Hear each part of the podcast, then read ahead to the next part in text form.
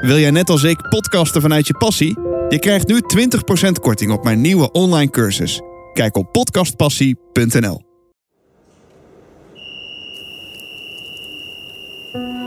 Hallo.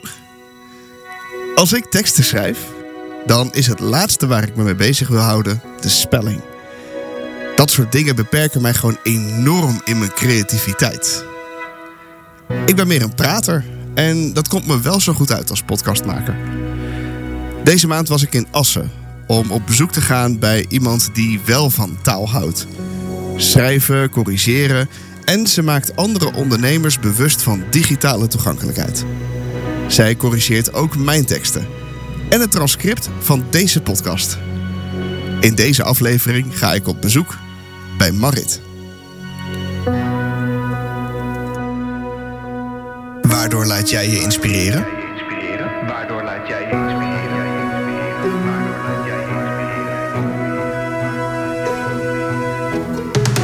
Mijn naam is Ferry en als podcastmaker hou ik van inspirerende verhalen. In deze podcast praat ik met mensen die mij inspireren. In de hoop dat jij ook op nieuwe ideeën komt.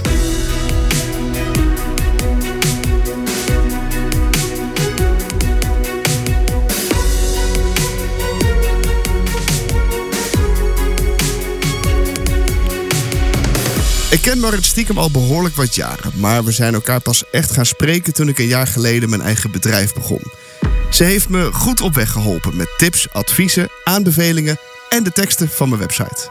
Ik ben Marit Postema. Ik heb een bedrijf en dat heet Woordprikkels. En vanuit Woordprikkels doe ik vooral tekstcorrecties. Ehm, en dat is dan van blogs, webpagina's, complete websites, alle tekst op de websites controleren en weer goed terugleveren. En sinds kort, een halfjaartje, dan ook de podcasttranscripts die ik controleer. En wat doe je in je vrije tijd? Ik lees graag. eh, ik zou meer willen wandelen, maar het is soms ook een kwestie van plannen. en ik zou meer tijd willen maken voor yoga, maar dat is ook een kwestie van plannen. Je, je wil heel veel, maar... Ja, Oké. En maar lezen lukt wel? en ja, dat doe ik vaak voor het slapen gaan nog even. Wat lees je op dit moment? Eh, vooral de tijdschriften die ik nog heb staan. En ik loop bij sommige tijdschriften ook al drie maanden achter of zo. Maar waar moet ik dan aan denken? Wat, wat voor tijdschriften lees je? Wat, eh, in welke hoek mag ik je plaatsen? Nou, het is ook het voordeel van dat ik bij pas het lezen, boeken luisteren en daar gewoon toegang heb tot heel veel tijdschriften. En dat ik daardoor mezelf ook gewoon heel veel tijdschriften abonneer, zeg maar. Ja. Want als ik gewoon de normale tijdschriften zou moeten kopen of abonneren en met mijn ogen zou moeten lezen, als ik goedziend was geweest, want ik ben slechtziend, ehm, dan had ik ze niet allemaal gekozen, zeg maar. Oké. Maar ik heb nu dus zoal de Happiness en de Psychologie Magazine en de Quest en onze taal. Gewoon om wel ook op de hoogte te blijven, zeg maar. Dat zie ik meer als werkgerelateerd. Dus j- jouw lezen is eigenlijk functioneel. Eh, de onze taal is echt voor werk, zeg maar. En de andere zijn meer uit interesse. En ik heb gewoon een hele brede interesse. Eh daarom bijvoorbeeld de quest, daar staat zoveel verschillende dingen in. Ehm, maar ik heb ook nog wel de bladen die speciaal worden gemaakt voor blinden en slechtzienden, zeg maar. En dan heb je de Moet je horen. Eh, die is ook heel breed op blinden en slechtziende gebied, zeg maar. Wat er allemaal gebeurt. Ehm, op jouw LinkedIn-profiel staat eh, taalvirtuoos. eh, probeert andere ondernemers bewust te maken van toegankelijkheid. Eh, dat zijn de twee dingen die ik zo even uit heb gehaald. Hoe is dat gekomen? Wa- wanneer is jouw liefde voor taal begonnen? Ja, vroeger was ik altijd wel aan het lezen ook.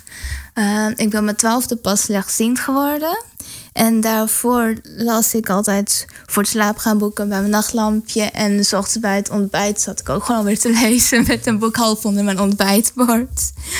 Eh, dus dat kan ik me echt nog wel herinneren, zeg maar. Mhm. En dat ik nog net niet op de autoreis naar school ook zat te lezen in de auto of zo. Dat weet ik niet precies meer. Dus jouw boeken zaten onder de pindakaasvlekken en eh Nee, dat viel wel mee. hier was zo netjes. Daarom ook echt netjes naast, net, net met de rand van het boek onder de rand van het bord. Oké. ze bleef er wel goed uitzien. Het waren ook heel veel oude boeken van mijn moeder die bij ons in de kast stonden. Van die boeken over paardenmeisjes, zeg maar. En gewoon van die paperback is het volgens mij dat je het kunt ombuigen een beetje. Ehm, dus die hadden heel veel staan van die kleine boekjes. Gewoon nog van mijn moeder vroeger. Kon je aan het papier wel merken dat ze al wat ouder waren. Eh, Vanaf je twaalfde werd je, werd je, je, werd je slechtziend. Toen las je al. Wat is, wat is er daarna dan gebeurd? Ehm qua lezen? Ja, qua lezen, ja. Ja, nou, we eh, zijn, toen ik slechtziend werd, is mijn moeder eerst maar gaan voorlezen, zeg maar. Want er staat nog in het traject van, nee, wat heeft ze gekregen? Hoe komt dit, zeg maar. Ehm, ik ben in het ziekenhuis opgenomen geweest toen. En daarna eh, heb ik wel nog een dag op school geprobeerd in die tijd. Maar ja, daar kon ik ook niks, want ik kon de schoollesboeken niet lezen. En toen zeiden ze ook van, nou ja, als je nog in de buurt bent, haal haar maar weer op, want ze kan hier toch niks.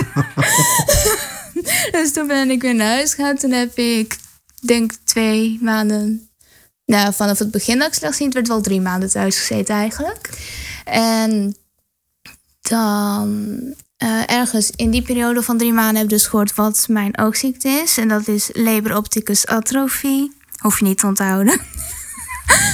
Ehm, eh, dat betekent eigenlijk vooral dat mijn oogzenuw het beeld niet goed doorgeeft aan de hersenen. En dat zit ook heel erg in de energiefabriekjes, zeg maar, in de zenuwen. Ehm, en toen hebben ze dus bij Visio, Koninklijke Visio, eh wat hebben ook gezegd, ze wil heel graag veel lezen, weet je wel.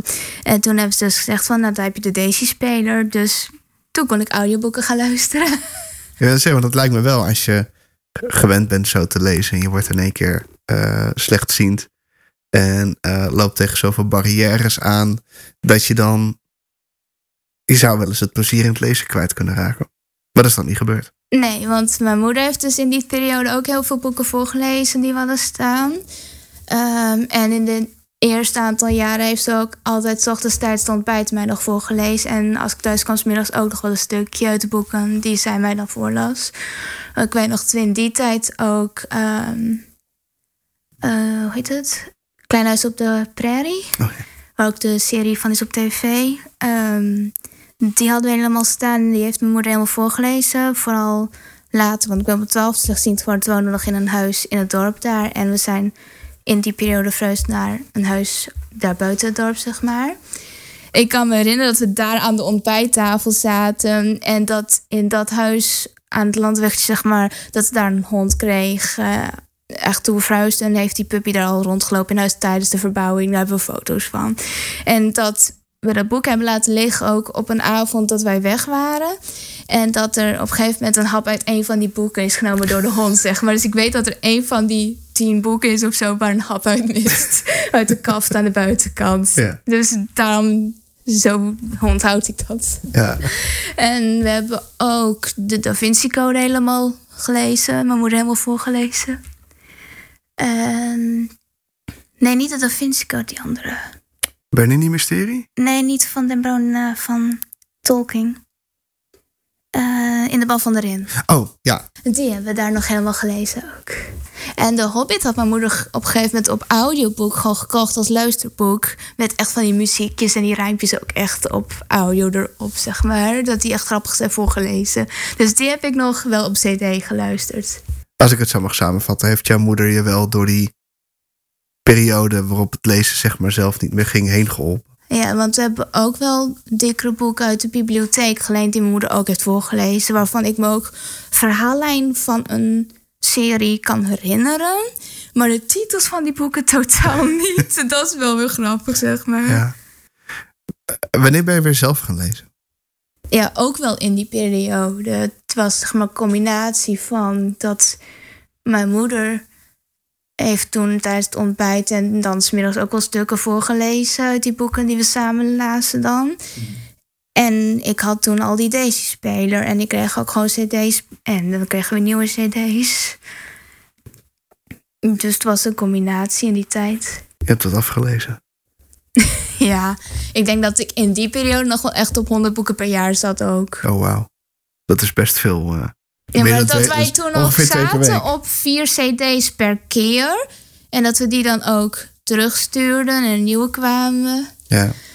Ehm, maar dat er echt steeds vier tegelijk kwamen of zo, dat was toen normaal. Ik weet niet precies of dat was ingesteld, ik weet niet.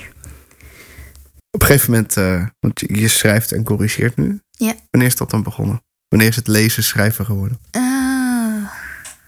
En vooral hoe is dat gebeurd? Ja. Ehm, op de middelbare school had je natuurlijk wel Nederlands. En dan merk je wel dat de schrijfopdrachten mij wel ook lagen, zeg maar. Dat ik die ook wel leuk vond. Maar het was daar wel nog echt gebonden aan regeltjes. Plus je leert daar ook heel erg zakelijk schrijven. Wat je later op, als je ondernemer bent, eigenlijk weer los moet laten. Ja, ik heb ook voor Nederlands ooit een eh, presentatie moeten geven. Naar aanleiding van een werkstuk dat je moest maken. Ik vond het werkstuk maken op zich al heel leuk. Ook gewoon informatie opzoeken. Ehm, ik heb het toen echt over Taoïsme gehouden. Omdat ik toen helemaal ook in de ban was van dat Chinese en eh, het yin-yang teken op zich al, zeg maar. Ja. Ehm, en ik dacht, wat zit er allemaal achter dat yin-yang teken? Want het symbool op zich is natuurlijk al heel bekend. Maar Ja. heel veel mensen weten niet waar het vandaan komt. En dat hoort gewoon helemaal bij het Taoïsme en Confucius en al die dingen. En dat heb ik allemaal toen opgezocht. Waar ik zeg maar heen wil. ehm, hoe, je, hoe je dat zeg maar ooit je werk hebt, gemaakt. is Ja. misschien een grote stap. Maar Ja, ik ben wel. ehm, ik heb een hele rare tussensprong gemaakt, weet je. Ik ben niet meteen vanaf de middelbare school met schrijven bezig gaan daarna. Ehm, maar ik weet niet hoe boeiend dat is. nou heb je me geteased. Nou wil ik het weten. En, eh, ik wilde vroeger, toen ik echt klein was, nog dierenartsassistent worden. Maar toen werd ik slechtziend. toen dacht ik, dat wordt hem niet. En toen heb ik stage gelopen bij een zorgboerderij. Want ik dacht, wat nou als ik ga werken met dieren en met mensen? ja. Dus dan ga ik op een zorgboerderij aan de slag als begeleider van die mensen die daar komen. En dan heb ik aan de dieren en de mensen. ja. Eh, toen mocht ik ook een week meelopen op de opleiding eh, activiteitenbegeleiding, natuur en welzijn. Want dan krijg je dus en die natuur, die dierendingen. En die welzijn is dan zeg maar die zorgkant. En dat weekje meelopen en die stage op die zorgboerderij gingen goed. Ja. En toen ben ik dat jaar na de VMBO, zeg maar, ben ik gewoon begonnen op een MBO. Activiteitenbegeleiding natuur en welzijn. En eh, dat ging dus wat minder goed. Want toen moest ik ineens wel zelf de dingen kunnen doen. Ah, ja. Terwijl op de zorgboerderij heb je al die andere begeleiders en loop je maar stage. En doe die andere gewoon als- het jou niet lukt. En op een weekje meelopen let ze er ook nog niet echt goed op van... hey, eh, dit moet je straks aan het eind van je opleiding wel zelf kunnen. Het is gewoon leuk even meelopen. En op de opleiding was het gewoon meteen al ook starten met vakken met... je moet twintig planten verzamelen en de namen kennen. En ik liep daar in die grote tuin achter de school... en ik dacht, ik zie alleen maar heel veel vakken met groen. zeg maar. En je moest ook bij de dieren een zieke cavia eruit kunnen pikken. En ik stond bij zo'n grote bak met zaagsel en met houtblokjes en met huisjes en met voerbakjes. Maar ik zie het verschil niet tussen een bruin houtblok en een bruine cavia als die cavia stil zit. Dus jij hebt er drie rottende houtblokken uitgevist en gezegd, Jimroela? Of Nee, ik heb er niks uitgevist. Maar gewoon het idee om te zeggen van... je moet straks wel tegen een cliënt op een zorgboerderij kunnen zeggen... Hey, je mag nu die cavia niet oppakken, want die heeft schurft. Oh, ja. Of je mag niet aan die plant komen, want die levert je brandblaren op. Terwijl ik die plant gewoon niet eens zie staan. Nee. Dus dat kan ik niet. Dus toen heb ik gezegd, ik haak af. Dus er was een kans dat je heel iets anders bent zou gaan doen, zo'n hele rare zin, eh, dan Als ik schrijven. goed gezien, goedziend was geweest, had ik dat misschien wel gedaan. Maar als ik goedziend was geweest, was ik misschien vroeger gewoon alsnog dierenartsassistent geworden. Ja, precies.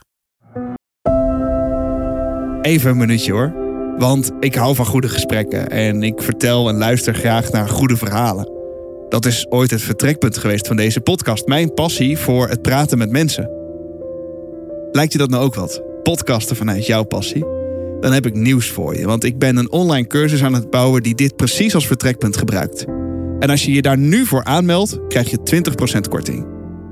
Want door te podcasten vanuit je passie ben je geloofwaardig, betrokken en kom je enthousiast over. En dat zijn hele stevige wortels voor een groeiende podcastmaker. Heb je interesse? Meld je dan aan op podcastpassie.nl en pak je 20% korting voor vroege vogels. En begin zodra de cursus online komt in januari. Nogmaals, podcastpassie.nl.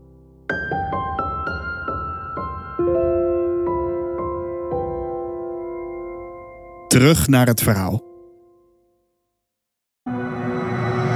Waardoor laat jij je inspireren? Ehm, ja, door alles wat ik tegenkom eigenlijk. Als ik iets lees. Gisteren was ik nog, wat ik net zei, moet je horen aan het luisteren, zeg maar. En toen kwam ik een verhaal tegen over een ondernemer die ook blind is dan en die iets had gedaan. En dacht ik, oh, dan moet ik ook even googlen. En misschien kan ik diegene ook wel benaderen om misschien eens te sparren of wat dan ook, omdat ook een ondernemer is. Ja, en ook wel podcasts die ik luister. En dat ik ook denk, oh, dat is ook leuk. Of ehm, ik luister heel veel podcasts van andere ondernemers. Daar heb ik laatst een blog over geschreven. Gewoon over inspirerende po- podcasts over ondernemen die ik luister. Ehm, en vaak vertellen die ondernemers ook in hun podcast weer wat zij zo al hebben gedaan. Dus soms gewoon echt vakinhoudelijk van hun, maar ook heel vaak gewoon ondernemersdingen.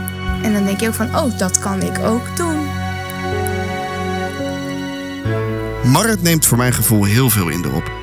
Ze volgt trainingen om beter gevonden te worden in zoekmachines, betere blogtactieken te leren, houdt lijstjes bij met dingen die ze voor zichzelf wil doen of voor het bedrijf, of die interessant kunnen zijn voor de klanten, runt samen met haar vriend een gezin met twee kinderen en mist ondertussen geen enkele deadline. Het is oprecht interessant om klant bij haar te zijn. Het klinkt nu een beetje alsof je een soort van stofzuiger bent die alles wat je kan gebruiken in je omgeving opzuigt. En er ook daadwerkelijk iets mee doet. Ik bedoel, ik neem ook wel dingen op. In mijn, Zo voelt het soms ook wel. Ik heb soms ook een hele lijst met dingen die ik nog wil doen. Heb je nooit een overload error in je hoofd en je denkt... Nee, ik, ik noteer heel veel dingen ook. Ook ehm, als mijn webbouwer, of eigenlijk degene die mijn website onderhoudt, zeg maar. Als die mij mailt van, nee, heb je hier al eens over gedacht? Ehm, ze had een pagina gemaakt voor categorieën voor mijn site. Zeg maar dat als je op de categorienaam klikt bij een blog, dat je dan ook een mooie overzichtspagina krijgt. Net als je, van, als je op de pagina van de blog zelf zit, zeg maar in blokjes naast elkaar en onder elkaar. En meestal staat er ook nog standaard 10 aangevinkt in je website. Waardoor het er heel lelijk uitziet als je ze drie breed hebt. En drie omlaag en één onderaan, zeg maar. En ik denk altijd, waarom maak je er niet negen van als ik dat soort sites zie? Dus ik heb aan mij expres aangegeven... zorg dat er negen blogs per pagina zichtbaar zijn. Dan heb je drie naast elkaar en drie boven elkaar. Maar zij had dus ook zoiets van... hé, hey, ik kan dat voor die categoriepagina's ook voor je tekst doen. Oh, ik zie dat je tekst niet gebruikt... maar dat je ooit wel twee teksten hebt gemaakt. En die zijn hetzelfde als de categorienamen... en dat is niet handig. En toen heb ik dat dus genoteerd, zeg maar. En dan heb ik dat gewoon ingepland ergens in januari of februari, zeg maar. Dat ik wel er nog een keer mee ging zitten. Ja. Want ze had ook een blog geschreven over, on- over categorieën en over tags. En die heb ik toen ook gelezen. En er later dus weer bijgepakt toen ik ermee bezig ging. Ehm, dus ik had dat allemaal genoteerd voor een ander moment. Dus als ik interessante dingen tegenkom, maar ik denk ik kan er niet nu meteen iets mee, zorg ik wel dat als ik het echt graag wil, ik er een keer voor ga zitten. Over jouw werk. Ja. Jij bent, je noemt jezelf taalvirtuoos. Ja. Wat maakt jou een taalvirtuoos? Dat ik eigenlijk alles rond taal interessant vind. Het is wel interessant om te weten wat er allemaal taaltechnisch kan, om het maar zo te zeggen. Hoe je taal kunt indelen. Maar het is niet interessant voor het hele controlestukje van de teksten. En ik vind het vooral heel leuk om vooral aansprekende teksten te maken en die lekker leesbaar zijn. Eh, Waar een andere redacteur misschien alleen de taalfoutjes eruit haalt. En ik heb zoiets van: ik vind deze inleiding niet lekker lezen, dus dit moet anders. Ja. En dat heb ik bij jou ook wel eens gezegd. zeggen, Mag ik ik jouw inleiding omgooien? En jij zei: ja, ga aan de gang. Ja, maar Oké, maar dus jij, jij. Het gaat, ja, wat je zelf al zegt, het gaat dus niet alleen om de correctie, maar ook om, het, om de leesbaarheid. Ja. En, en het is daarmee kom je ook weer bij het stukje toegankelijkheid. Een tekst moet voor mij duidelijk, begrijpelijk en meestal zeggen mensen gewoon ben jij helder en duidelijk, maar het is eigenlijk bijna hetzelfde zeg maar. Maar je moet dus duidelijk, begrijpelijk en leesbaar die tekst. Dus dat hij lekker doorleest. Mensen zeggen heel vaak ook als ze mijn blogs lezen, ook al zijn ze bijna 2000 woorden. Ze zeggen, hij leest wel lekker. Ja. En dat is wel belangrijk. Ik bedoel, je kunt 2000 woorden in een blog proppen, maar hij leest totaal niet lekker en je haakt af na twee alinea's. Of mensen lezen hem uit tot het eind. Maar kan je dan eens een voorbeeld noemen? Want dit klinkt voor mij heel abstract. Ja. Eh, als je het woord toegankelijkheid nu gebruikt in, in dezelfde context als leesbaarheid. En ja. Eh, hoe, nou, dat hoe doe je dat? Want als ik een lab tekst van begrijpelijk. 2000 woorden zie, dan denk ik help. Mm, nee, want je hebt het ingedeeld met tussenkoppen. Ehm, mijn laatste blog heb ik ook twee foto's in verwerkt zo het opbreekt.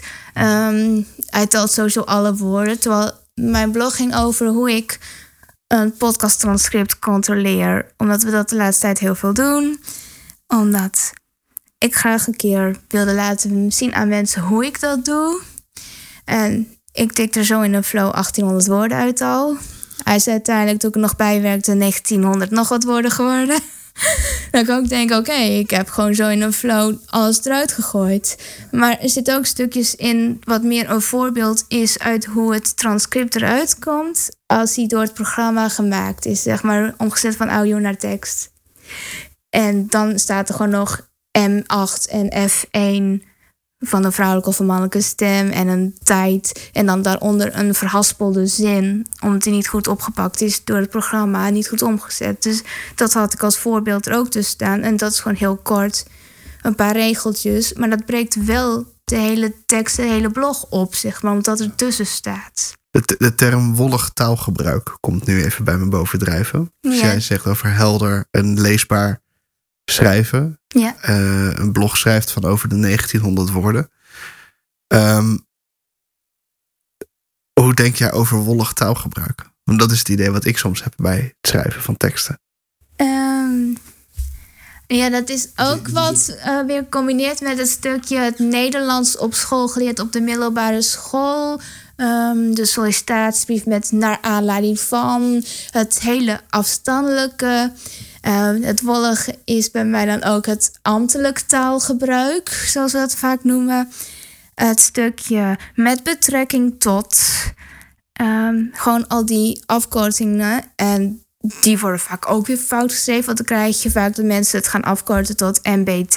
En dan alsnog tot erachter schrijven. Maar dan staat er als je het leest en je in, in je hoofd voorleest aan jezelf met betrekking tot tot. Daar blokkeer ik zeg maar. Dan haak ik eigenlijk af op die hele tekst. Ja. Maar al die afkortingen door middel van. kun je allemaal anders maken en begrijpelijker. Eigenlijk zeg je, want ik wil hem eigenlijk even terugpakken op het toegankelijke. Ja. Van als je die afkortingen erin zet, je moet eigenlijk zorgen dat het voor iedereen te begrijpen is. Ja, en doordat je die afkortingen sowieso niet gebruikt, want dat blokkeert al in het lezen, want je moet in gedachten die afkorting, als die echt als afkorting gemaakt is in de tekst, weer omzetten naar woorden als je jezelf voorleest in je hoofd, zeg maar. Ja. Dus je remt af in het lezen. Dus ik zorg ook altijd dat er geen enkele afkorting in mijn tekst staat, behalve als dan televisie, zeg maar tv of mbo of hbo. Dat zijn gebruikelijke afkortingen, maar niet mbt. TAV van. Ja, al die dingen. en dan krijg je ook die V en die van, wat jij nu doet. Ja. Dus die probeer ik altijd sowieso te skippen. Of weer voluit te schrijven als ik ze tegenkom bij iemand. Zodat ze in ieder geval doorgelezen kunnen worden. Ehm, en dat begrijpelijke stukjes ook. eh, niet zozeer Jip en Janneke taal, wat ook vaak wordt gezegd. Want bij Jip en Janneke, denk aan de echte Jip en Janneke boeken die zijn geschreven voor kleuters. Dus je bent niet tegen, als ondernemer dan, niet tegen een kleuter aan het praten. Je bent tegen je, het liefst je ideale klant aan het praten in je tekst. Ja, en op zijn minst, zo, zo kijk ik er dan naar, je gelijke. Ja, Jij, doet ook, jij jij geeft zeg maar ook taaltips. En af en toe doe je daar eens wat extra's bij als het gaat om toegankelijkheid over internet. Eh, ik denk even aan de altteksten en zo, dat eh, plaatjes ook Ja. eh, gezien kunnen worden die mensen die blind of slechtziend zijn. Ehm, wat is jouw doel als ondernemer? Want soms heb ik het idee dat je een heleboel gratis weggeeft. Wat ik heel leuk vind, want daardoor leer ik. En toch huur ik je in. Omdat ik denk, oh, dan heb ik. eh, dat, dat, dat ontspant mij, want dan hoef ik me er niet druk om te maken. Maar het zijn wel twee verschillende dingen. Dus vandaar dat ik me afvroeg wat jou. Wat, wat, Eh, omdat ze daardoor ook weten wat ik weet. Eh, en waarom ik het doe, zeg maar. Ja. En wat ik doe. En, en juist doordat ze bijvoorbeeld een blog over werkwoordspelling, die ik ook heb geschreven, lezen, denken ze ook van: oh, maar het is zoveel en ik wil dit helemaal niet zelf allemaal moeten kunnen weten. Dus ik gooi het over de schutting bij jou, zoiets ja, herkenbaar. dat ze wel zien, dit is hoe het hoort. Maar dat ze ook denken, maar ik ga dit allemaal echt niet onthouden. En ik ga echt niet elke keer weer deze blog opzoeken en weer mijn hele blog nalezen. Dus ik gooi het over de schutting. En ik hoef niet elke keer mijn eigen blog erbij te pakken, zeg maar. Nee. Want het zit in mijn hoofd. Wie zijn jouw klanten? Eh, Of jij wie is. bijvoorbeeld. Ja, ik stel de vraag: wie is jouw ideale klant? Mijn ideale klant is een ondernemer die wel zelf zijn teksten wil schrijven. Want dat vind ik heel veel gedoe. Schrijven voor anderen, heel veel heen en weer mailen. Mhm. Eh, mensen die dan weer heel veel commentaar hebben op de tekst. Terwijl ik zoiets heb van: Hallo, ik weet wat tekstschrijven is. Ik heb een tekst voor jou geschreven op basis van wat jij mij hebt verteld. Ja, Ehm, hier is je tekst. Op basis van wat jij mij hebt aangeleverd, alsjeblieft. En dan krijg ik weer commentaar. Terwijl als ik hem controleer en lekker aansprekend, leesbaar, begrijpelijk, alles maak, zeg maar. Dan zijn mensen ook tevreden over de tekst. Dus zij kunnen ook gewoon alles wat in hun kopie zit op papier zetten, op het digitaal papier dan. En dan naar mij sturen en zorgen dat ik het lekker leesbaar maak. En dat is dan ook gewoon het herschrijven van alinea's soms. Zodat die pakkend is en mensen door blijven lezen. je bent een soort vertaler van dingen die in mijn hoofd zitten naar En- iets dat en toegankelijk en leesbaar is. Ja, precies. Ja. Mooi. Ehm, wil je nog iets aan mij vragen? Of ben ik iets vergeten? Of... Ja, eh, wij hebben onze samenwerking voor podcasttranscripten. Ehm, en je hebt laatst zelf voor Ferry bezoek bij Divina een podcasttranscript gemaakt. Niet aan mij uitbesteed om het zelf te proberen. Hoe vond je dat? Ik vond het verschrikkelijk. Het leuke is dat jij straks deze mag gaan controleren. Ja. En dat je ook de volgende zin mag uitschrijven. Eh, ik ben blij dat jij het doet. ja. Echt, het is, eh, of, je moet, of je moet taalvirtuoos zijn, of je moet het gewoon uitbesteden. Dat is mijn mening. Ik, heb, ik ben er zo lang mee bezig geweest. En het is, eh, ik vind het veel leuker om het te lezen als het klaar is, of het te luisteren als er geen transcript is, dan het zelf. Ik heb nog nooit zo lang en zo vaak zelf mijn eigen werk geluisterd. Ja. Nee, en ik merk zelf ook dat ik er steeds sneller in word. En vooral ook bij de mensen waarvan ik vaker dingen heb gecontroleerd. Want dan ehm, heb ik de stem vaker gehoord en raak je gewend aan de woordkeuze van die personen. Leer je ze ook kennen, denk je? Ja, ook. Leuk. En ook omdat ik ze zo intensief luister, soms op een lagere snelheid. Ik ben zo lang bezig met, laatst met afleveringen van bijna 40 minuten. Eh, dat je ze bijna kunt dromen, zeg maar. En dat, dat waren ook wel de complexere podcasts, moet ik zeggen. Want dit met jou is twee sprekers, gesprek, dat is het. En bij die afleveringen waren het ook echt allemaal losse items die achter elkaar kwamen met daartussendoor een presentator. Ja. En dat was heel intensief. En dan zet ik hem ook na een blokje, zoals ik dat dan noem, na één item. Als ik merk dat de volgende persoon eh, het presentatiestukje komt, zeg maar, op pauze. Even afschakelen, overgang naar een nieuw stukje. Even ademen. Ja, Dankjewel. ja. Vond het gezellig. Ik ook. Succes met het transcriberen. Gelukkig hebben we een programma dat er al een tekst van maakt. Wil je nog iets zeggen dat je dan zelf kan opschrijven? Nee. Haakje open, Marit lacht, haakje sluit. dat ga ik sowieso nog opschrijven, ja. Wil je meer weten over Marit of haar bedrijf Woordprikkels? Kijk dan op ferrybezoekt.nl slash Marit. Daar staat meer informatie over onze samenwerking en links naar haar website en social media. Heb je ook een verhaal dat je met geluid wil vertellen? Laten we dan een keer een bakje doen. Mijn contactgegevens staan op podcastcreator.nl. En als je daar toch bent, meld je dan gelijk aan voor de tips en inspiratie nieuwsbrief. En vergeet niet je 20% korting te pakken. En start in januari met de cursus Podcasten vanuit je passie. Kijk op podcastpassie.nl. Tot zover dit bezoek. Vond je hem leuk? Abonneer je dan via Spotify. Of via welke app je ook maar naar je podcast luistert. Het maken van deze show kost tijd en geld, maar ik doe het met heel veel passie en plezier. Je zou me wel enorm helpen als je een fooi wil achterlaten. Hiermee koop ik mijn treinkaartjes of je draagt bij aan de productiekosten van deze show. Kijk op ferrybezoekt.nl. Alvast bedankt en tot het volgende bezoek van Ferry.